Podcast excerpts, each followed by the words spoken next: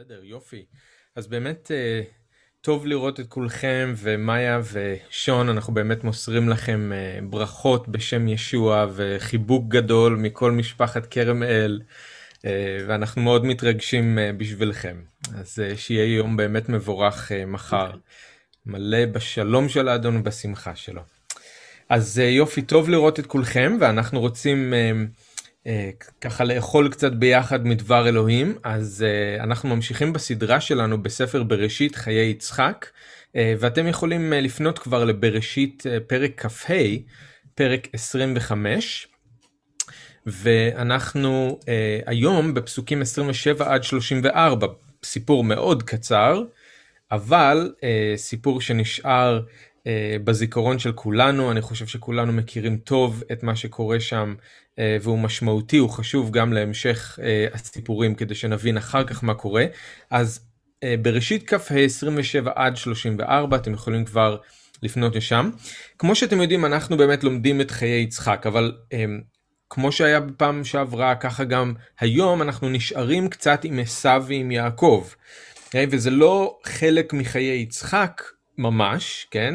זה הצצה קצת אל תוך החיים של עשיו ויעקב. אז החל משבוע הבא אנחנו חוזרים ליצחק, ואז אחרי זה אנחנו ממשיכים עם חיי יעקב. אבל זאת היא הצצה והיא הצצה חשובה אל תוך החיים של עשיו ויעקב. אז גם הקטע הקודם, גם הקטע אה, הזה שלנו היום, אה, באמת זה מאפשר לנו להסתכל קצת יותר מקרוב אל תוך החיים של ה... שני הבנים האלה, האחים האלה, על האופי שלהם, על היחסים שביניהם, אה, ואנחנו נראה שזה חשוב, אה, כמו שאמרתי, בשביל מה שעוד יבוא בהמשך. אה, כמו שראינו בפעם הקודמת, עוד לפני שעשו ויעקב נולדו, אתם זוכרים כשהם עוד היו בבטן של רבקה, היה ביניהם מאבק. כתוב שהם התרוצצו. ואז כשהתאומים נולדו, הם יצאו אחד אחרי השני כאילו שהם בתחרות, כשיעקב אוחז בעקב של עשיו. וכמו שאנחנו נראה היום, המאבק ביניהם בעצם לא מסתיים, ההתרוצצות הזאת היא ממשיכה גם כשהם בוגרים. אנחנו נראה שגם בתור אדם בוגר, יעקב ממשיך לאחוז בעקב של עשיו. והיום אנחנו נראה שהוא מנצל את המצב כדי להשיג מאח שלו את הבכורה, את המעמד של הבן הבכור. עכשיו זה רגע מאוד חשוב, כי כאן המהפך בעצם מתחיל. כאן אנחנו מתחילים לראות איך זה יקרה שרב יעבוד צעיר. זוכרים את ההתגלות שהייתה לרבקה לפני שהבנים נולדו? איך זה יקרה שרב יעבוד צעיר? איך המהפך הזה יתרחש? כאן זה בעצם מתחיל. עכשיו זה קורה המהפך הזה בשני שלבים. השלב הראשון שאנחנו נראה הערב זה הבכורה. הבכורה עוברת מיעקב לעשו, וזה קשור לירושה ולמעמד אה, של ראש המשפחה. בשלב השני שעוד נגיע אליו בפרק כ"ז, הברכה עוברת מיעקב לעשו, וזה קשור לברית אברהם ולהבטחות של אלוהים. אז אפשר להגיד שהבכורה הזאת היא הירושה החומרית, הברכה זאת היא הירושה הרוחנית. אז בסוף המהפך באמת קורה, ורב יעבוד צעיר, והנה זה מתחיל כאן, הערב בקטע שלנו. אז אני רוצה שנקרא ביחד פרק כ"ה, אני קורא מפסוק 27. ויגדלו הנערים, ויהי עשיו איש יודע ציד, איש שדה, ויעקב איש תם יושב אוהלים. ויאהב יצחק את עשיו כי ציד בפיו, ורבקה אוהבת את יעקב. ויזד יעקב נזיד, ויבוא עשיו מן השדה והוא עייף. ויאמר עשיו אל יעקב, הלעיטני נא מן האדום האדום הזה, כי עייף אנוכי. על כן קרא שמו אדום. ויאמר יעקב, מכרח היום את בכורתך לי. ויאמר עשיו, הנה אנוכי הולך למות, ולמה זה לי בכורה? ויאמר יעקב, הישבעה לי כיום. וישבע לו, וימכור את בכורתו ליעקב, ויעקב נתן לעשו לחם ונזיד עדשים, ויאכל וישת ויקם וילך, ויבז עשו את הבכורה. אז בואו נתפלל ביחד ונתחיל. אבא, אנחנו רוצים לתת לך את הזמן הזה, אנחנו רוצים לכוון את הלב שלנו אליך, ואנחנו יודעים שבלי העזרה של רוח הקודש העיניים של הלב שלנו נשארות סגורות והאוזניים לא שומעות, אז אנחנו מבקשים ממך שהרוח שלך תהיה איתנו כאן, לתת לנו לשמוע ולראות את כל מה שאנחנו צריכים אה, לראות ולשמוע כאן בקטע שלנו הערב. אנחנו יודעים שכל הכתוב נכתב ברוח אלוהים, והוא מועיל להוראה, לתוכחה, לתיקון, לחינוך במעגלי צדק, למען יהיה איש האלוהים מושלם ומוכשר לכל מעשה טוב. אז אנחנו מבקשים ממך שהקטע הזה שבדברך, שגם הוא נכתב ברוח האלוהים, ברוח שלך, שהוא יחנך אותנו, שהוא יתקן אותנו, שהוא יאתגר אותנו, שהוא יעזור לנו אה, להבין מה שאנחנו צריכים להבין, ליישם, להשתנות לדמות ישוע. אנחנו מבקשים ממך, אדון, שתעזור לנו, ואנחנו נותנים את עצמנו ואת הזמן הזה אליך בשם ישוע. אמן. אז אולי קרה לכם לפעמים שאתם קראתם משהו בדבר אלוהים ובסוף לא הייתם בטוחים מה אתם אמורים לחשוב על מה שהוא עשה או היא עשתה, זה חיובי, זה שלילי, רחב שקרה, אבל היא הצילה את המרגלים, זה טוב, זה לא טוב, וזה נכון, כי כן, לפעמים זה לא באמת מיד ברור. אבל תודה לאל שיש גם קטעים כאלה, כמו הסיפור שלנו היום, אנחנו לא צריכים לנחש מה המסקנה העיקרית של הקטע, או מה אנחנו אמורים לחשוב על כל זה, כי זה כתוב לנו. ויבז עשיו את הבכורה. זאת אומרת, מה שעשיו עשה הוא דבר רע, הוא דבר מכוער. הוא לא רק מכר את הבכורה, הוא בז לה, הוא חשב אותה לחסרת ערך. אז ללא ספק הכוכב הנופל בסיפור הזה הוא עשיו. הוא בז לבכורה והוא מכר אותה תמורת נזיד עדשים. איך שלא נסתכל על זה, עשיו לא יוצא טוב מכל העניין. וזה נכון, ואנחנו נסתכל מקרוב על מה שעשיו עשה, כי זה, בזה אנחנו באמת צריכים להתמקד, אבל למרות שעשיו הוא בבירור הכוכב הנופל, אי אפשר בדיוק להגיד שיעקב הוא הכוכב העולה, נכון? גם הוא לא יוצא טוב בסיפור. אח שלך מת מרעב, ובמקום לעזור לו אתה מנצל את המצב ואתה מכריח אותו קודם כל לתת לך את כל העתיד שלו, ורק אז אתה נותן לו לאכול? אז אולי זה לא נורא כמו מה שעשו עשה, אבל עדיין לא בדיוק מודל לחיקוי. ומה עם ההורים, יצחק ורבקה? ויאהב יצחק את עשיו כציד בפיו, ורבקה אוהבת את יעקב. נותנים יחס מועדף כל אחד למי שהוא הכי אוהב. עשיו הילד של אבא, יעקב הילד של אמא. ההורים גורמים לבית להיות מפולג בתוך עצמו. אז גם כאן זה לא ממש זורחת לנו איזושהי קרן אור. עכשיו למה אני מזכיר את כל זה? כי מצד אחד אנחנו לומדים מהסיפור הזה שהנבואה מתחילה להתגשם, והלפיד עובר לדור הבא, ליעקב. מה שאלוהים הבטיח קורה, וזה טוב. אבל מצד שני, כמה זה עצוב שככה זה צריך לקרות. עצוב שגם ההורים וגם הבנים לא משתפים פעולה עם מה שאלוהים עושה. והם בוחרים לקחת דברים לידיים שלהם ולעשות דברים בדרך שלהם. כשאני חושב על ההורים, אני לא מבין למה רבקה ויצחק פשוט מאוד לא ישבו עם הבנים ועשו סדר. למה הם לא סיפרו להם איך אלוהים גילה לאמא מה יקרה איתם בעתיד, עוד לפני שהם נולדו, ומה הייעוד של כל אחד מהם. הרי תחשבו על זה, הם היו יכולים בקלות להשתמש בסיפור שלהם, בסיפור של יצחק עצמו, כדי לעזור לבנים להבין. הם היו יכולים להגיד להם, אתם יודעים, גם אבא שלכם נבחר לרשת את הבכורה, למרות שהיא בעצם הייתה שייכת לדוד ישמעאל. וזה בסדר, כי אלוהים ברך את ישמעאל, והוא לא שכח אותו. הוא פשוט בחר באבא כדי להמשיך דרכו את הברית ולהגשים דרכו את ההבטחות. וככה זה גם יהיה איתכם. אלוהים יברך אותך עשיו, אבל הוא ימשיך את התוכנית שלו דרכך יעקב.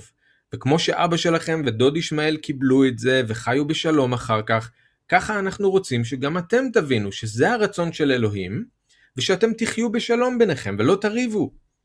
למה, למה לא לעשות את זה? זה היה להם את הדוגמה המושלמת מהחיים של יצחק. הם היו יכולים להסביר את זה לבנים, הם היו יכולים לעשות סדר מראש. כשאני קורא את הסיפור הזה, אני שואל את עצמי, למה יעקב לא ידע שהבכורה היא שלו? למה הוא חשב שהוא היה צריך לקנות אותה? למה ישמעאל חשב שהיא שלו? יצחק היה צריך לעשות את מה שאבא שלו, אברהם, עשה. אתם זוכרים עוד כשהוא היה בחיים, אברהם עשה סדר. הוא נתן מתנות לבני הפילגשים, אבל הוא הוריש את הכל ליצחק. זה היה ברור, זה היה גלוי לכולם, כולם ידעו, גם יצחק ידע. אבל במקרה הזה, אני לא יודע אם אתם מרגישים ככה, אני מרגיש שלא דיברו עם הבנים בכלל, שלא עשו שם סדר. ויותר מזה, יצחק העדיף דווקא את ישמעאל, את זה שלא נועד להמשיך את ברית אברהם. ולמה? כי, סליחה, ישמעאל, אני אומר, עשו.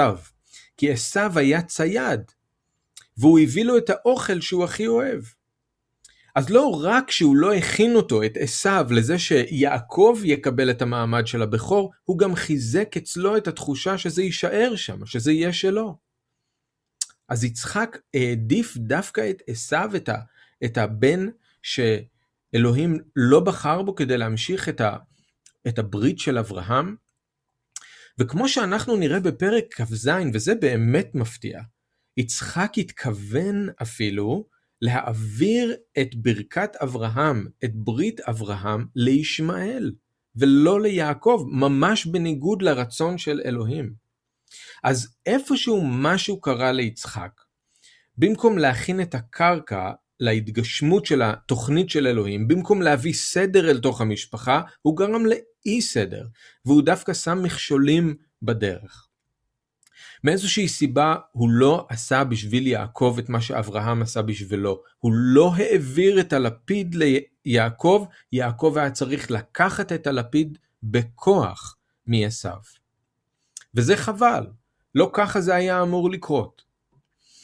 אז לגבי החלק של יצחק ורבקה בכל זה, אני רק רוצה להגיד ככה.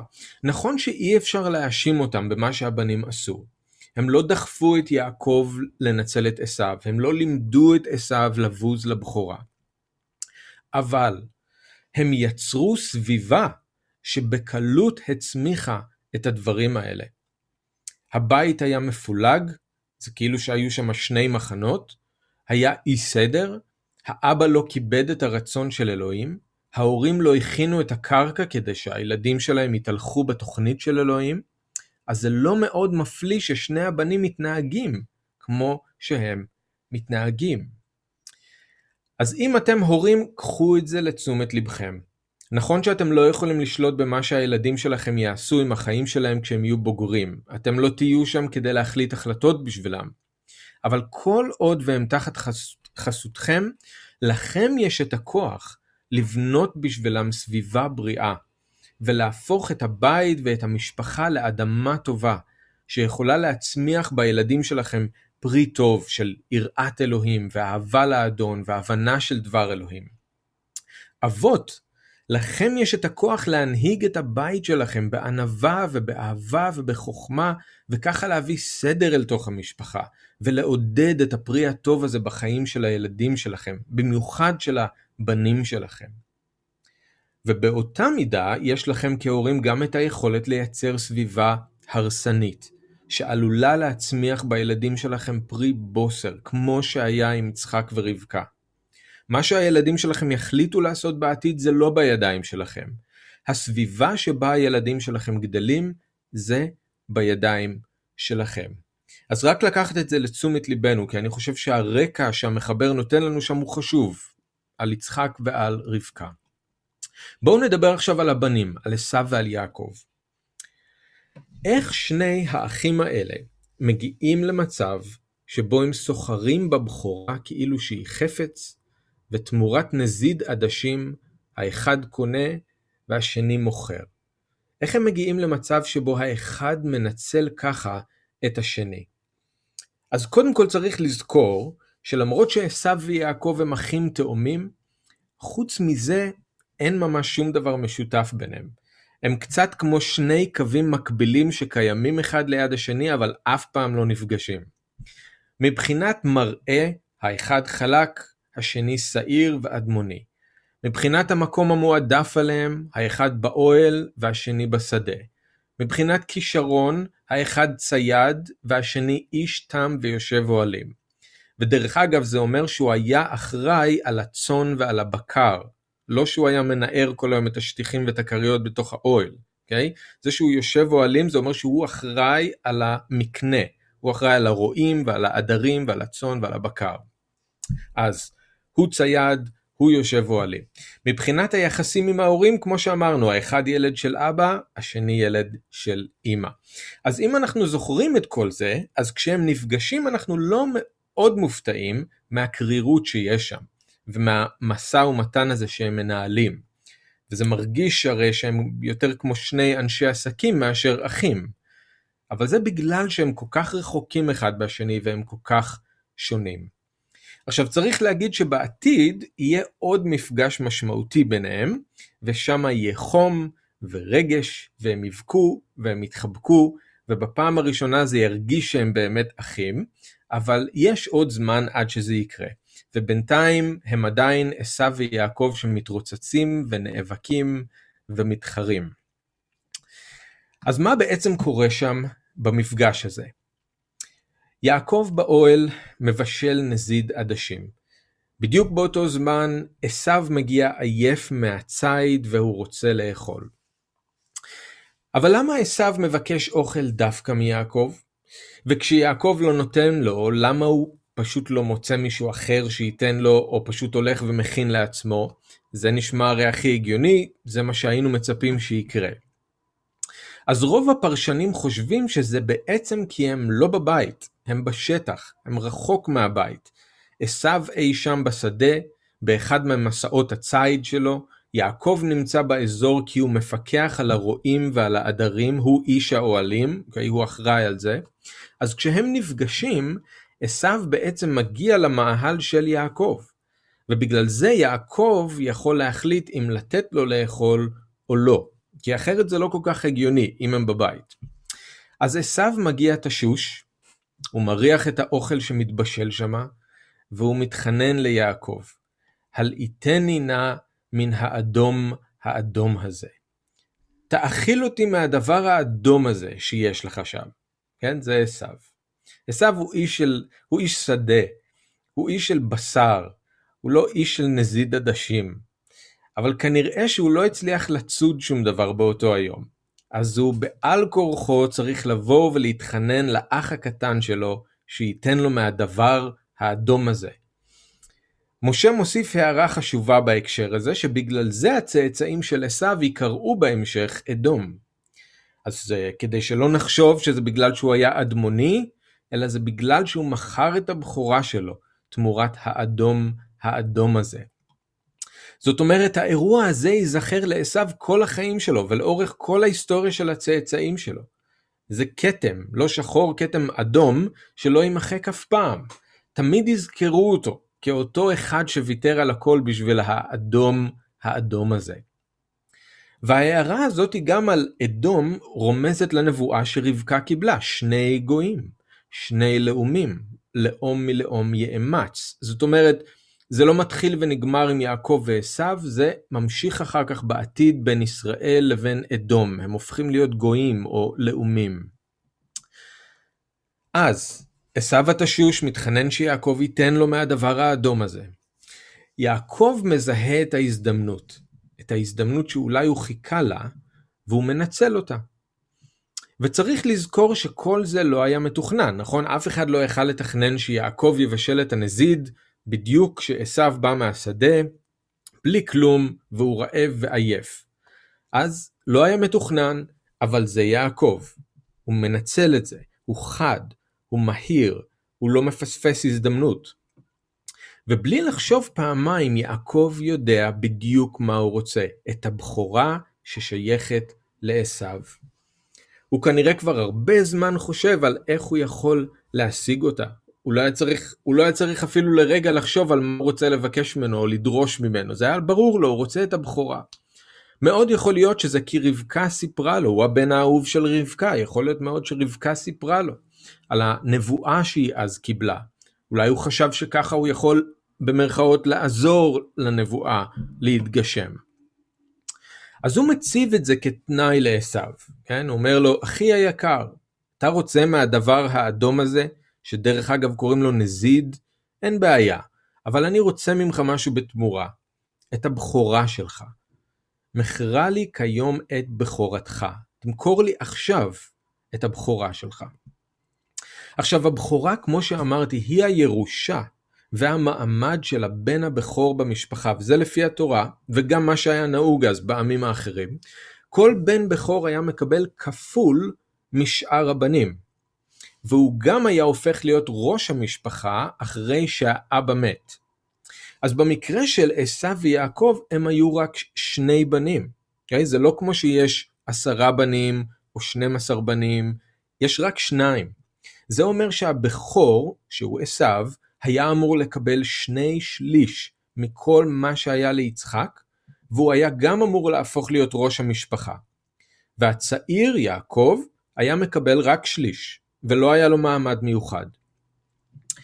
אני מזכיר לכם שיצחק ירש את כל מה שהיה לאברהם, רק כדי שנבין במה מדובר, ועוד אלוהים המשיך לברך אותו גם אחר כך, אז הוא היה אחד האנשים העשירים ביותר באותו אזור. זאת אומרת שמדובר על ירושה ענקית של רכוש ובקר וצאן וכסף וזהב ומשרתים ושפחות. בקנה מידה שלנו מדובר על מיליונים לפחות, אם לא על יותר. ובנוסף לירושה עצמה יש את העניין של המעמד הבכיר ביותר של ראש המשפחה. הבכור היה יורש את המעמד הזה והוא הופך להיות הבעלים של הכל והמנהל של הכל. עכשיו אני אומר את זה רק כדי שנבין מה יעקב דורש מעשיו תמורת צלחת של נזיד עדשים. הוא דורש מעשיו שימכור לו את הירושה הכפולה שמגיעה לו כבן בכור, ירושה ששווה מיליונים במושגים שלנו, ואת המעמד שלו כראש המשפחה. הוא דורש מעשיו בעצם שימכור לו את העתיד שלו, זה העתיד של עשיו. אתם יודעים שבכל ההיסטוריה של המזרח הקדום עד היום לא מצאו אפילו מקרה אחד מתועד שבו בן בכור מוכר את החלק שלו לאחד האחים שלו או לאדם אחר? לא מצאו אפילו מקרה אחד. היחידי שעשה את זה אי פעם שאנחנו יודעים עליו זה עשיו. אין בזה שום היגיון, אף אחד לא עושה משהו כזה, בטח שלא תמורת נזיד עדשים. אבל אף אחד לא היה עושה את זה בשום מחיר, מי, מי מוותר על זה? המחיר שיעקב דורש הוא הזוי, אבל עוד יותר הזוי שעשו מסכים לשלם אותו. תראו מה עשו אומר בפסוק 32. הוא אומר בתגובה ליעקב, אנוכי הולך למות, ולמה זה לי בכורה? ואני תכף אגיד משהו על זה, אבל בינתיים רק תראו שעשו לא מיד אומר שהוא מסכים למכור את הבכורה, ויעקב מכיר את אח שלו טוב מדי. אז הוא דוחף אותו שיישבע לו, ושיישבע לו עכשיו שהוא מוכר את הבכורה. עשו נשבע לו במקום והעסקה מתבצעת. הבכורה נמכרת תמורת לחם ונזיד עדשים. עשו אוכל והוא שותה והוא קם והוא הולך ויותר לא כתוב לנו. עכשיו יש כמובן מה להגיד לרעה על יעקב בכל הסיפור הזה ברור איך שהוא מנצל את אח שלו איך שהוא מנסה בכוח לגרום להבטחה של אלוהים להתגשם. זה נכון אבל הדברים האלה יעלו לא מעט פעמים כשאנחנו אה, נתקדם עם הסיפורים של חיי יעקב אז יהיה זמן עוד להיכנס לזה ולדבר על האופי הזה של יעקב כרגע אני רק רוצה שנסתכל על עשיו. כי כמו שאמרתי, הוא הכוכב הנופל בסיפור הזה. ובסיכום הדברים, תסתכלו, בסיכום הדברים כתוב לנו שעשיו בז לבכורה, נכון? לא כתוב לנו וכך יעקב ניצל את אחיו, אלא כתוב לנו ככה עשיו בז לבכורה. זה המוקד של הסיפור הזה, זאת המסקנה. אם נחשוב על זה גם יעקב בעצם לא הסתיר כלום מעשיו, נכון? הוא אמר לו בדיוק מה הוא דורש ממנו, והוא השאיר את ההחלטה בידיים שלו, של עשיו. אבל היה משהו בעשיו שגרם לו להסכים, וזאתי הבעיה. עשיו איבד את הכל ברגע, וזה בלתי נתפס שהוא יעשה דבר כזה. אבל מה שאני רוצה להגיד זה ככה, הסיפור הזה הוא לא כאן רק כדי שאנחנו נזדעזע ממה שעשו עשה, אלא כדי שאנחנו ניזהר, שגם אנחנו לא ניפול באותו הפח. עשו כאן הוא דוגמה, הוא, הוא תמרור אזהרה. Okay?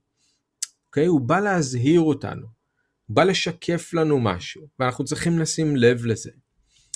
תשמעו מה כתוב לנו באל העברים, פרק י"ב, פסוקים 15 עד 17, כתוב לנו, הישמרו פן יגרע איש מחסד אלוהים, פן יפריע אתכם שורש מור... פורה מרירות ויטמעו בו רבים. פן יהיה איש, זונה או חסר קדושה, כעשו, אשר בנזיד אחד מכר את בכורתו. יודעים אתם כי אחרי כן, כאשר רצה לרשת את הברכה, נדחה. הוא לא מצא מקום לחזור בו, אף כי ביקש זאת בדמעות. אז דבר אלוהים מזהיר אותנו שלא נהיה כמו עשיו. ולמה אנחנו צריכים את האזהרה הזאת? כי האמת היא שבתוך כולנו יש את האדם הישן, שכמו עשיו מוכן למכור את הבכורה תמורת נזיד עדשים. כלומר להפנות את העורף לאלוהים בגלל איזשהו סיפוק רגעי. כמו דוד שהסתחרר כשהוא ראה את בת שבע, או דימאס שעזב את שאול כי הוא אהב את העולם, או גחזי שחמד את מה שהיה לנעמן. לא, לא חסרות לנו דוגמאות, נכון? והבשר והעולם והשטן יודעים איך לבשל נזיד מצוין, אז אנחנו צריכים להיזהר. אז אני רוצה לסיים עם רק כמה אזהרות איך לא להיות כמו עשיו, לאור מה שאנחנו קראנו כאן בסיפור הזה. איך לא להיות כמו עשיו? דבר ראשון, אל תהיו כמו עשיו, שעשה החלטה גורלית ברגע של חולשה ותשישות פיזית, כשמופעל עליו לחץ להחליט במקום, כאן ועכשיו. כשאנחנו עייפים או רעבים, אנחנו פגיעים וחלשים יותר, גם מבחינה רוחנית. ובמצבים כאלה לא צריך להישאר למשא ומתן, צריך לברוח. כן? זה לא הזמן לזה. זה אף פעם לא הזמן לעשות החלטות או לחתום על הסכמים או להיכנס למשא ומתן כשאנחנו ככה, כי תמיד יש סכנה שאנחנו נעשה החלטה פזיזה או אימפולסיבית. כי כל מה שאנחנו מרגישים באותו רגע זה את העייפות שלנו והתשישות שלנו, זה כל מה שמעניין אותנו, זה כל מה שאנחנו רוצים עכשיו אה, אה, לפתור, כן? זה המענה שאנחנו מחפשים. זה לא הזמן לעשות החלטות גורליות או לחתום על הסכמים או משהו כזה. ואנחנו צריכים להיזהר כי דווקא הזמנים האלה זה מתי שהפיתויים באים. כשאנחנו עייפים או רעבים, כשאנחנו חלשים או תשושים, דווקא אז. אתם זוכרים את ישוע במדבר? השטן חיכה עד הסוף.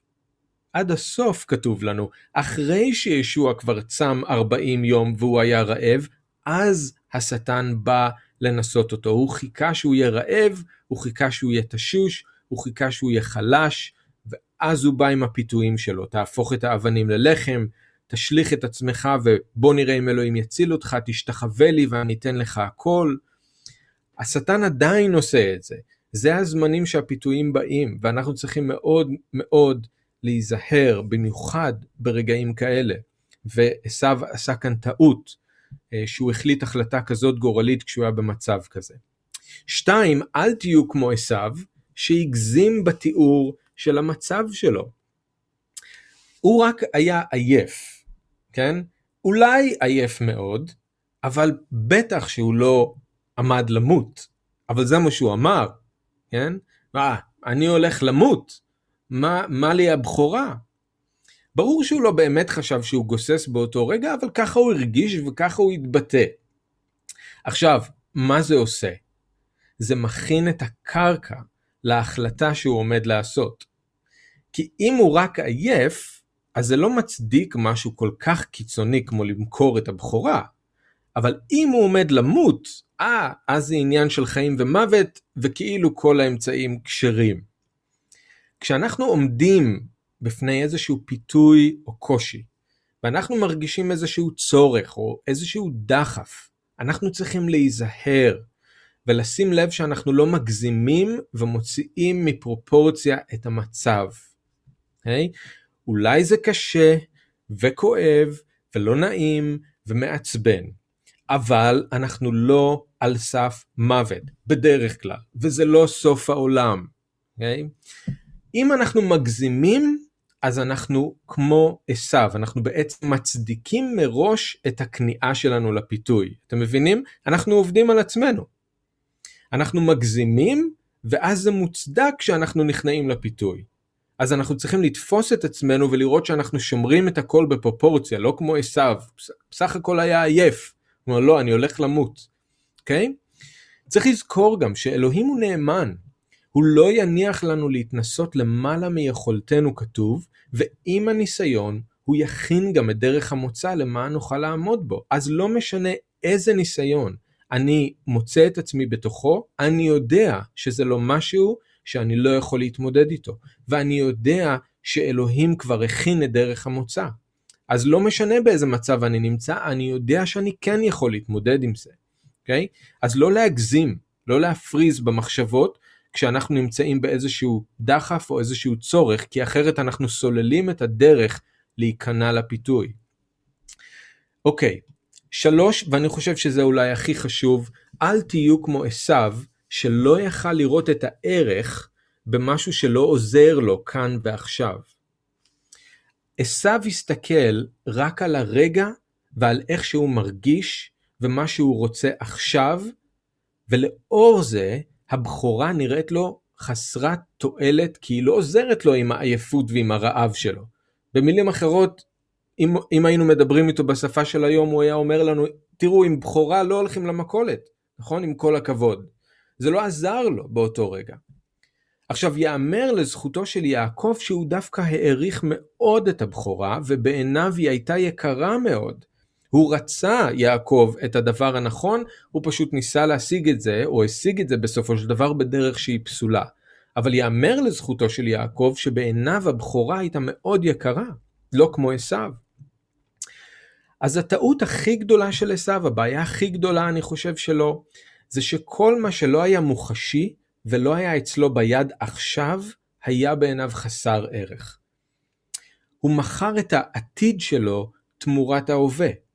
הוא ויתר על מחר כדי להרוויח את היום. נכון? הוא מכר את הנצחי תמורת הזמני והחולף. עשו היה אחד כזה שחי בשביל הרגע. הוא בז לכל מה שלא סיפק את הדחפים שלו מיד. הוא בז לכל מה שהוא לא יכל לראות או להרגיש. הוא היה מוכן לוותר על כל העושר בעולם, רק לא להרגיש את הבטן מקרקרת. הוא ייתן הכל ויעשה הכל רק כדי לספק עכשיו את תאוות הבשר, את דחף המחשבות. הוא ישלם כל מחיר כדי לקבל את מה שהוא רוצה עכשיו. ומהבחינה הזאת עשיו הוא ההפך הגמור ממי ששייך למשיח וחי במלכות אלוהים. וזה מה שחשוב שאנחנו נבין. ישוע קורא לנו לעשות בדיוק את ההפך. ישוע קורא לנו לאבד את הזמני והרגעי והחולף, כדי להרוויח את האמיתי ואת מה שנשאר לעולם ואת מה שקיים באמת. הוא קורא לנו לאבד את כל מה שיש לנו ואפילו את עצמנו, כדי להרוויח את החיים האמיתיים שאין להם הפסק. באל העברים י"ב 2 כתוב לנו שישוע סבל את הצלב ובז לחרפה למען השמחה הארוכה לפניו. תראו את ההיפוך, ישוע בז לחרפה, עשו בז לבכורה. ישוע מכר את ההווה כדי להרוויח את העתיד.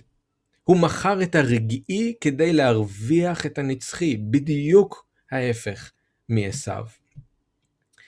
השמחה שהייתה ערוכה לפני ישוע היא בדיוק כמו הבכורה שהייתה ערוכה לפני עשו. משהו מובטח שעדיין לא היה אצלו ביד. אבל בשביל זה ישוע היה אה, מוכן לוותר על הכל, בשביל ישוע זה היה אמיתי. הוא ראה את זה באמונה והוא ידע שזה שווה הכל. בשביל עשיו זה היה חסר ערך ותועלת, וזה היה שווה צלחת של נזיד עדשים. אז אנחנו נקראים לעשות בדיוק את ההפך מעשיו. אנחנו נקראים לבוז לרעב ולוותר על הנזיד למען הבכורה.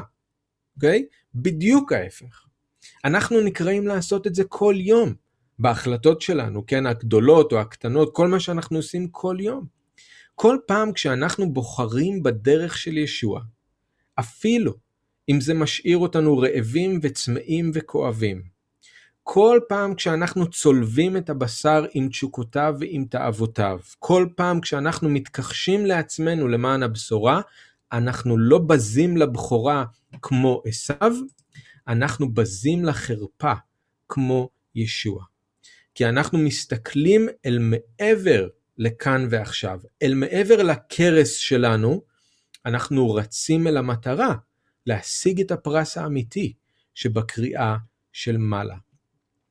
באל העברים כתוב על המאמינים שהם סבלו את גזלת רכושם בשמחה, כי הם ידעו שיש להם קניין טוב יותר בשמיים. זאת אומרת, הם בזו לחרפה. הם היו מוכנים למכור את ההווה כדי להרוויח את העתיד. הם היו מוכנים למכור את הרגעי והחולף כדי להרוויח את הנצחי. באל העברים י"א כתוב לנו על משה שגם הוא עשה בדיוק את ההפך. פסוקים 24 עד 26. כתוב לנו כאשר גדל משה מתוך אמונה סירב להיקרא בן לבת פרעה, ובחר להתענות עם עם אלוהים מלהתענג לשעה בתענוגי החטא.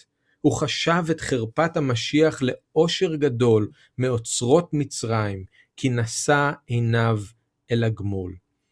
אז גם משה לא היה מוכן למכור את הבכורה תמורת נזיד עדשים, הוא לא היה מוכן למכור את הגמול תמורת התענוג החולף של החטא.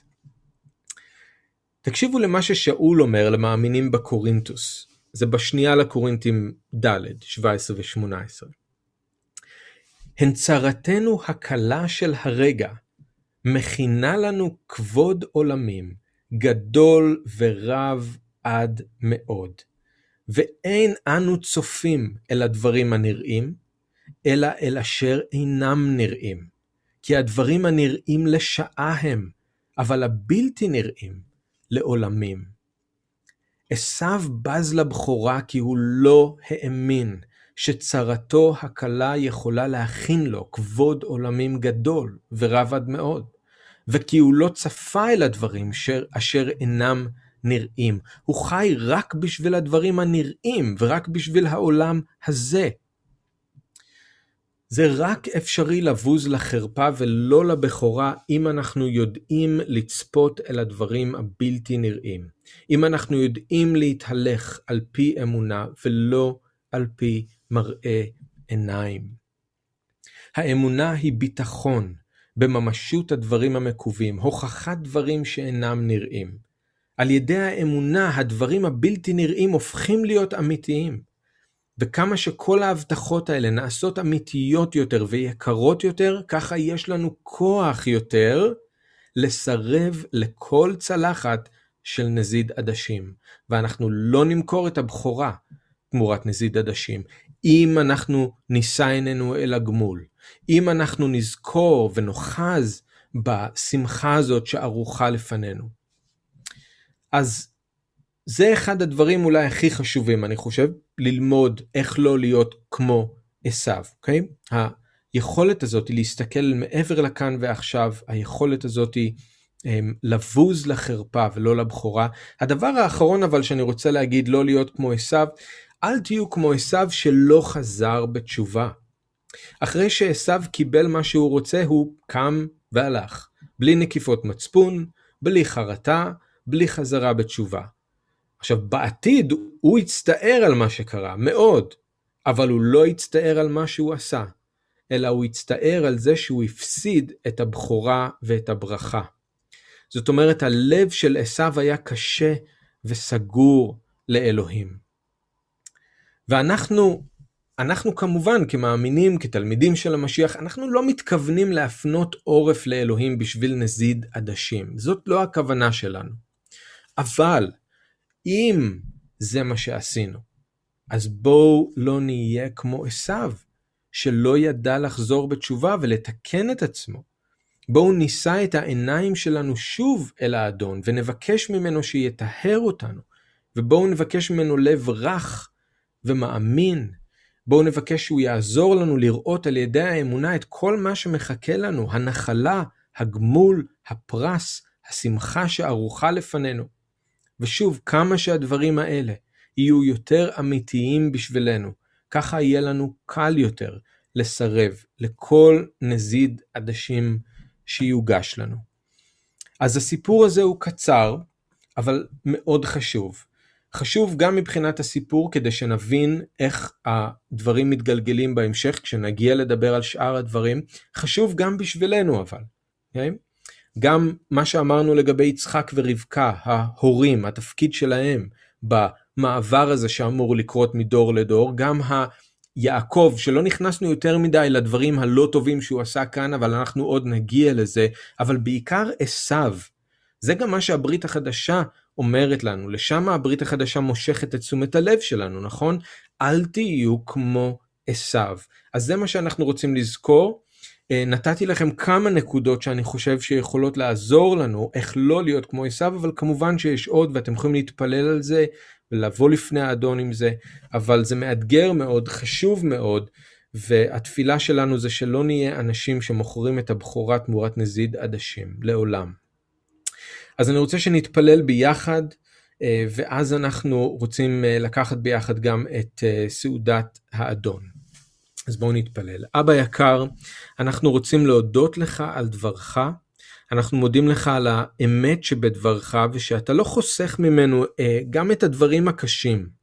וכשאנחנו צריכים להסתכל אל תוך דברך ולתת לדברך לשקף אה, בשבילנו מה, מה צריך להשתנות בלב שלנו אז אנחנו מודים לך על זה גם אם זה קשה לשמוע אבל אנחנו מודים לך על זה. אנחנו מודים לך שדרך הסיפור הזה אתה מזהיר אותנו לא להיות כמו עשיו, לא למכור את הבכורה תמורת נזיד עדשים. ואנחנו מתפללים לכוח, שתיתן לנו כוח באדם הפנימי על ידי הרוח להיות חזקים מספיק מול כל פיתוי וניסיון וקושי, ולעולם לא להפנות לך עורף, תמורת משהו שהעולם הזה מציע לנו, תמורת משהו שהבשר אה, רוצה לתת לנו, תמורת משהו שהשטן מציע לנו. אנחנו רוצים לא להפנות עורף אליך לעולם תמורת שום דבר, אנחנו רוצים לאחוז בביטחון הזה שיש לנו בך עד הסוף. ואם יש כאלה מאיתנו שממש היום נאבקים עם זה ו- ומתפתים להפנות לך עורף תמורת נזיד עדשים, לוותר על הברכה שיש להם בך. אנחנו מתפללים, תן כוח לכל אחד כזה מהילדים שלך, לעמוד יציבים ואיתנים באמונה. אז אנחנו מודים לך, אנחנו מברכים אותך בשם ישוע. אמן.